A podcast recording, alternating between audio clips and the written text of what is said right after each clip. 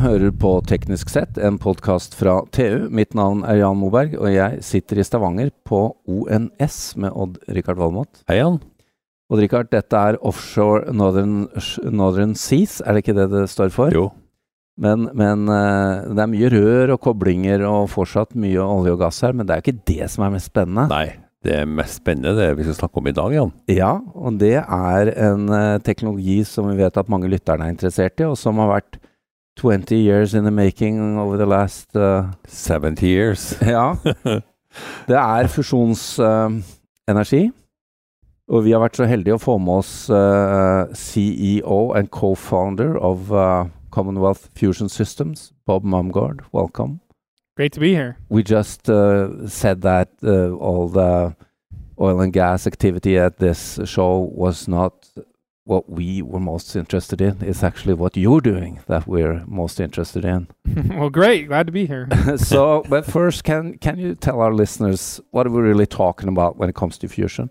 Right. So, you know, fusion is the process that creates the energy that's inside all the stars. So, when you look up at stars at night, uh, all those bright points are actually little fusion power plants that are combining the light elements to make heavier elements, and in that process, unleashing a, a lot of energy. Um, and uh, so, in some sense, it's like the ultimate sustainable energy. It's the thing that sustains the universe, mm. and that's separate from, of course, fossil fuels, which are here today, which is a chemical process, uh, and it's also separate than traditional nuclear power, which is splitting the atom. In fusion, you're combining combining to build bigger atoms. And uh, and so it's since it was really discovered about hundred years ago, um, uh, it's been seen as like a, a really important thing to work towards. And we think we're just at the, the stage now where we can start to think about actually building machines that do this that could be power plants. And we need them more than any time before with with the climate uh, going the wrong way and, and all of that stuff. So what has been the main challenge in getting there? So, uh, inside those stars, right, to get the fusion reaction to actually occur, they have to be very, very hot. So, 100 million degrees, very, very hot. So that's the temperature doesn't we don't ever see on Earth, right? It happens all the time in space, not in Earth. And also, not just hot, you have to be able to make it so it's insulated well enough so that the energy that it makes is more than the energy it took to heat it up. If you yes. don't insulate it well, then it just leaks all its heat and you have mm. to use too much energy to, to keep it hot. And we have on Earth, in a very, lots of different ways and different types of fusion machines, we have actually made these reactions happen. For a few seconds, for a few, for seconds, for in some cases minutes. Um, and we've reached the temperatures, but we haven't yet reached the conditions where it's hot enough and insulated enough and dense enough to actually make more power than it took to heat it up. And what we're seeing right now, CFS and other companies and other research labs around the world, is that we understand enough about this to now take that step. And so we're seeing people build machines that are aimed at doing that, and CFS is, is you know a leader in doing that. But there are some some crucial innovations here uh, as a foundation for what you're doing. So what, what's the most important part? Right. So, uh, you know, people have known about fusion for, for a while and have studied it for a long time, and the science is getting really good. But that's different than being able to turn it into something practical. And what has happened in CFS's case is that you can use magnetic fields to insulate the plasma, to insulate the fusion fuel. And we've been able to build a new class of magnet that's that's twice the magnetic field of what existed before.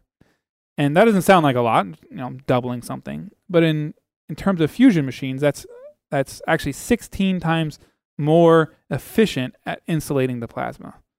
So we've been able to build better magnetic bottles for the fusion machines uh, because of these new type of magnets enabled by new type of materials. Mm-hmm. And CFS, you know, we were started as a company four years ago uh, out of MIT, seeing that this was going to be doable that you're going to be able to build a, a new class of magnet that was going to be able to make fusion tokamaks, fusion magnetic bottles, into something that was practical, something small enough to build.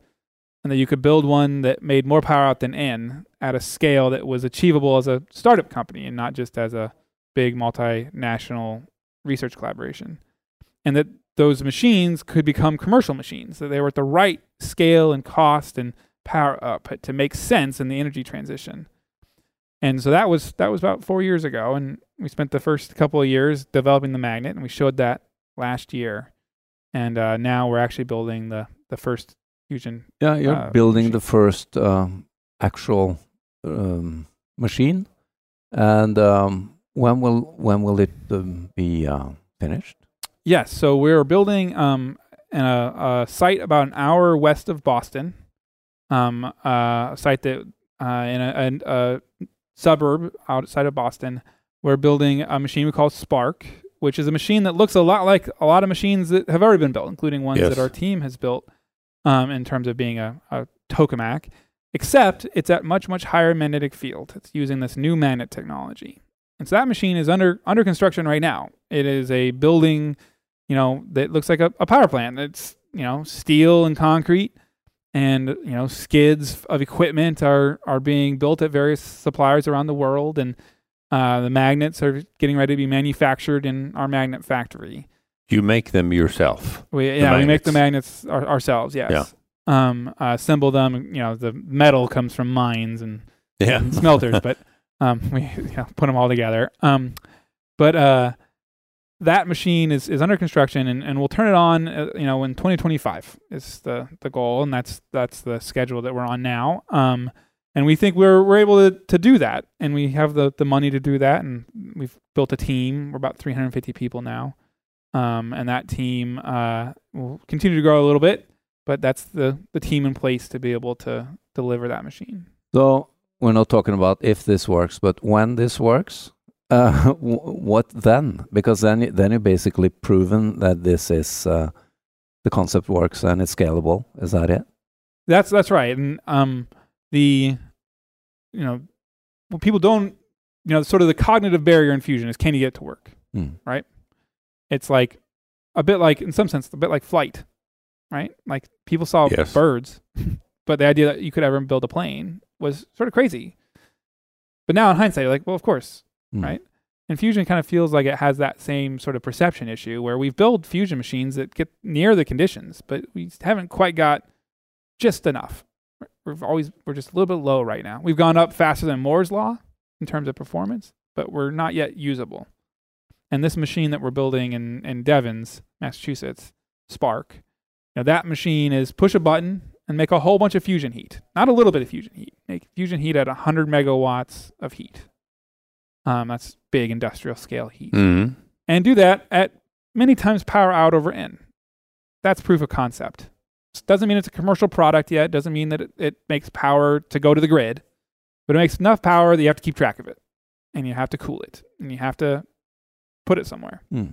Um, and and so that's really what what we're focused on right now in terms of delivery. But we're also now also thinking about well, the commercial plant, which is about twice the size of Spark. Where should we build the first one?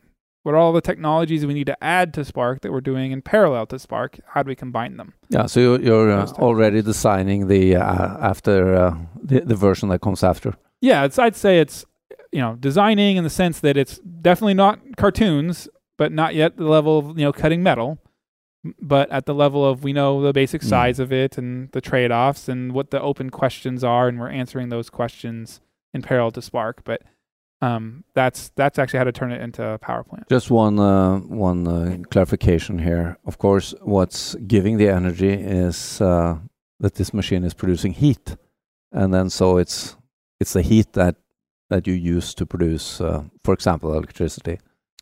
Um, and is that pretty much standard equipment for for the heat production, Right. or, or turning it into electricity?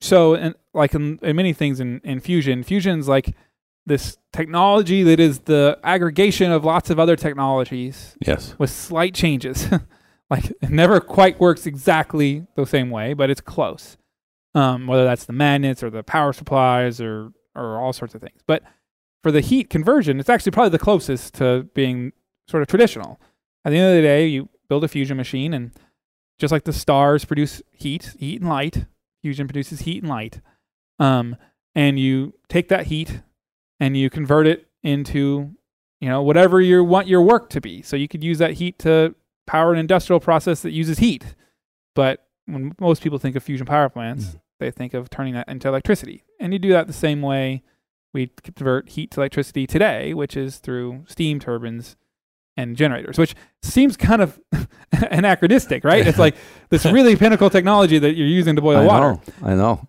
The advantage, though, it, and there's truth to that, but the advantage is that that's something we know how to do at scale today Mm. and you know a, a, a power plant built making a turbine onto a generator into the grid on a plot of land that is how we power the world today and so if you want to transition to a zero carbon world do you want to have to reinvent every single piece of it or do you want to use something that you're changing one thing slightly in this case the actual fuel and reaction inside a boiler There's also a need for a lot of, of heat, of course. So instead of cooling it away, you could heat uh, buildings, uh, in industry, etc., etc. Yeah, and actually, the um, you know, one of the things that I gets lost sometimes in discussions are around sustainability and energy transition is you know, this idea of uh, deep decarbonization. Mm. How do you get all the carbon out? Right? We have a 50 gigaton a year carbon problem. That's what Mm. the world is today. 50 gigatons. Gigatons huge, right? A lot of those gigatons actually come from stuff that are really, really hard to to abate. Things that use heat, Yes. Mm. the kilns that make our cement, the the foundries that make our steel. Then we have a lot of things that we want to do, like making hydrogen or direct air capture, that we might need to do Mm. to get to our pledges in 2050 and, and beyond. That we don't really have a good solution for in terms of renewables or Mm. intermittent sources. And fusion could fit a lot of those gaps. We we sort of look at how big the challenge is in front of the world and say there's plenty of room for lots of options here. Let's put an option on the table in fusion. Well, Bob, here at the uh, ONS, we've seen a, lot of wind power initiatives, offshore wind, of course, on an offshore northern uh, uh, conference. There is uh, that kind, but but um, you need an awful lot of wind um, generators, or uh, if you should have solar, you need a lot of acres of solar. How does that compare to having these fusion plants? Right. So the difference here, of course, is between a, a distributed, intermittent, renewable resource, which we should build as much of, as we Mhm. possibly can, as fast as we possibly can build it. There's no one arguing not to do that. The the challenge in front of us is so big, um, and so as fast as possible, we should be deploying those technologies. Yeah, but but there is an argument about land use and Right. you know all this. So then the what fusion is is different than those, and it's fusion's you know pretty distinct in in its its differentiation. And what it is is it's a machine that makes a lot of power on a small site, and an you know an industrial site. This is not something that is you know put in your basement. It's not something that you know you're going to put in your car. Um, it's something that looks like how we generate power today at like a site that generates it using a gas turbine or a coal plant just without the gas pipeline or the coal train tracks or the the exhaust stack. And so you make you know hundreds of megawatts of electrical power on a, a site that uh, maybe you know has a workforce and you know and pipes and and skids. All set to go. Well, not yet. You got to actually show it all works. and you got to integrate it. There's a lot of people uh, they are scared of nuclear power. Do you think you will uh, you will be able to convince them that this is not fission nuclear power? This is fusion nuclear power. Uh, well, it's a it's a great question, and we we don't know, right? So the first the first thing we have to realize is that you know everyone has a say in what gets built next to them, and in wh- and where they get their power, and and increasingly so, especially in the Western world, that's a good thing. Um, and so we've been very you know concerted of like we'll only build this where people want it. So then it becomes not not really like a teaching from us teaching them, but us listening and saying, well, what did, what do you like and what do you not like about this technology? And part of that is realizing that the technology is different than any other technologies that have come in the past, mm. right? So it needs to be evaluated on a, a blank slate. You know, it's not nuclear power, even though, yes, okay, it makes a bunch of energy by nuclear reactions. It doesn't actually have a chain reaction, for instance. There's no No. chain reaction. There's no uranium or plutonium or No bad wa- waste. The, the- no long-lived nuclear No. waste in the sense of like 10,000 years. Yes, there's some radioactivity that's made, but it's the type of radioactivity that's more similar to the, Mm. like a cancer treatment center. So how does that Yeah. how does that work? Um, and so, actually, a couple places in the world now, you have governments um, engaging in public processes to uh, figure out how they should regulate a new fusion industry. Yeah, because you need that too. Yeah. Of course. Um, a question. We we spoke to Equinor, who has uh, done an investment in your company as a shareholder, I understand. Um, and they shared with us that you have some um, incredible plans after uh, 2030 when uh, when you can produce the mass produce or at least uh, do a serial production of these um, units. Um, can you can you tell us about those plans? Right. So, you know, we are very much a, a company that's motivated by the scale of the problem, Yeah, where the problem is energy access and because we need a lot of this. Right. And if you look at what is required in the world to take care of that 50 gigatons of CO2 emissions, that means you're talking about things that are thousands and thousands of power plants, independent of what reaction those power plants have, or if they're solar farms or wind farms or fusion plants or geothermal, or it doesn't really matter when you think about the scale. The scale is thousands and tens of thousands of these plants. And that is what all the pledges to 2050, all that means in the energy transition. And th- it doesn't mean that we're going to like suddenly have only use 10% of the power that we use today, right? Mm-hmm. Like we have to continue to use the power. We have to continue to generate power where people need it. We have to continue to give people the opportunity to develop, but we have to do it in a sustainable way. And so that's a huge, huge industry. And this is a, a great conference where you look and you say, this is ONS, this Mm. is the Norwegian Shelf, which is you know an industry that is a very very big industry, a very big and important industry. But it, globally, this is like you know a few single digit percentage points of the world energy industry. Exactly. Mhm. And so whatever you do that's going to make a difference in climate is going to be something that you look at today and say, "Wow, that is going to be a big lift." And it has to be scalable. It has to be scalable. And so if you're going to have to do that, you should just look at it that way from the very beginning and say everything we do has to scale. So, So when we you make our have magnets. to you have to make a fusion factory and not a gigafactory. And we're used to gigafactories now, but you you you have to make a fusion Exactly. factory. And that's true whether it was gigafactories for batteries or for Yeah. solar cells or for fusion. If you should predict the price when when this is a commercial product, uh, and you are uh, mass producing factories, what do you see uh, in in your crystal ball? Ah, super super hard. Um, you know, that's one of the reasons we're building Spark. Yes. is like, you know, the uh, you don't really know what it's going to cost until you actually do it. And then the way you decrease costs is you you build it. You build more of them. You learn by doing. yeah. Um, and we saw that, of course, in the drastic decreases in cost in solar batteries, wind. Um, and uh, and so with Spark, we're going to come out of that not just with proof of concept of did it did it work. We're going to come out of that with receipts, right? And a good idea of like, well, where's the biggest opportunities to continue to decrease the cost of the technology? Because we know that whatever whatever the technology is, it's going to have to be cost competitive.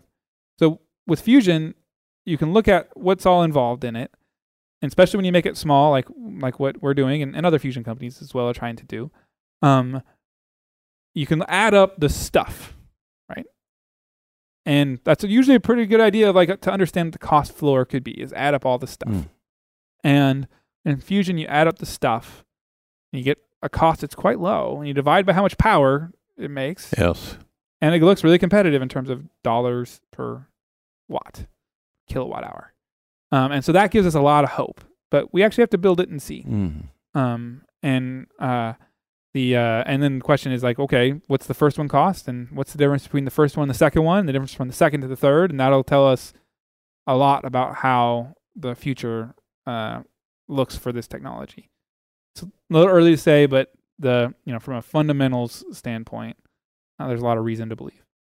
One of the challenges with uh, entering the um, uh, green energy sector is is the um, lack of materials and rare earth uh, materials and all that. How how big of a challenge is that for for this uh, technology? So just like from a cost standpoint, where you add up the amount of stuff, Yes. You add up the amount of stuff and you look at it from a commodities standpoint, material standpoint, and it also looks pretty pretty good. And most of the stuff is things like steel, Mhm. concrete, things we know how to make at scale. There's some specialized things like the material for the superconductor, but even there, the actual atoms that are in that material are not overly unusual atoms. You maybe have some dopants and things Yes. like that, but it's at a, such a small level that you look at what it would do to the commodities, for instance, and it's like 10% impact on existing markets at scale. So that gives us, you know, reason to believe that this could scale, um, which is different than other energy technologies that maybe require tripling or Mm. quadrupling, uh, you know, existing commodity markets. Um, we have to actually show that by by doing it, by building it. Um, but uh, the designs that are being built in Spark and that are on the drawing board for Arc all, all look good in that. Very good. We, uh, we have to close, but I have one closing uh, question to you. We have mentioned that Equinor is an investor in your um, company, and you also work with the university in Tromsø, do you? So Mhm. you, have, two Norwegian connections. Mm-hmm. What, what's your work with uh, the people in Tromsø? Right. So fusion, right, is uh, uses plasmas because it's very hot. And if you want to study plasmas on Earth, one of the places things to look at is the northern lights. Mhm. And so Tromsø has got a long history of being great plasma physicists because of the natural environment in Norway around the, the northern lights. And Birkeland. and uh, and so uh, we've actually had uh, researchers from from Tromsø come to MIT for many years Mm. um, before CFS was uh, around, and now they're involved in things related to to Spark. Um, so it's it's amazing where the connections you know show up It is. Ah. uh, across the the science. Well, Odd-Rikard, we've been to uh, Tromsø before. We should go again and now talk about uh, fusion. Yes. Definitely. That's something new. Well, Bob, uh, CEO Bob Mumgaard of uh, Commonwealth Fusion Systems, thanks for uh, giving us uh, time to uh, to have this podcast, and good luck on your venture. Well, thank you very much. En uh, takk til Odd-Rikard Valmot, og mitt navn er Jan Moberg.